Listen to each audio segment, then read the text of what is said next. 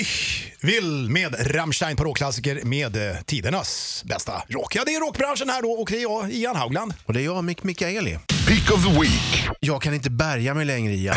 Nu måste jag få veta. Vad var det som hände och vad har du valt för låt? Jag har valt Screaming for Vengeance med The Gods of Heavy Metal, Judas Priest. Coolt.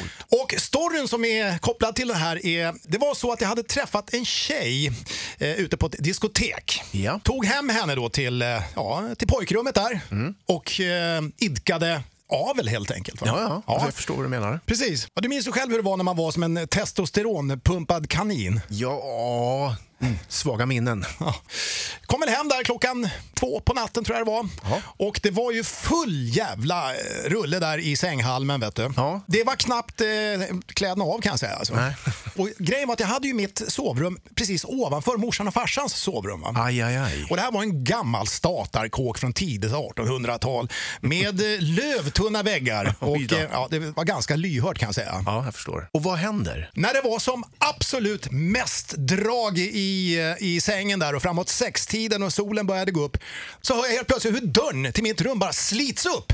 Ja, och där står det. Och, och där står morsan med rödsprängda ögon och håret stod åt alla håll och papillotterna hängde lite hur som helst. Och så skriker hon bara rätt in i sovrummet. Nej, nu får du ta mig fan vara färdigknullat! Då hade stackars morsan legat där vaken vet du, och lyssnat på frustningar och sängen som slog mot väggen vet du. hela natten. Och eh, under tiden då som vi idkade samlag den här natten så hade vi den här plattan gick på repeat, Screaming for Vengeance. Där har du storyn Mick, vad tycker du? Fantastiskt. Här är de, Judas Priest, Screaming for Vengeance, Pick of the Week i rockbranschen på rockklassiker. Ett poddtips från Podplay. I podden Något Kaiko garanterar östgötarna Brutti och jag, Davva, dig en stor dos skratt. Där följer jag pladask för köttätandet igen. Man är lite som en jävla vampyr. Man har fått lite blodsmak och då måste man ha mer. Udda spaningar, fängslande anekdoter och en och annan arg rant. Jag måste ha mitt kaffe på morgonen för annars är jag ingen trevlig människa. Då är du ingen trevlig människa, punkt. Något Kaiko, hör du på Podplay. Därför arkadeinerna.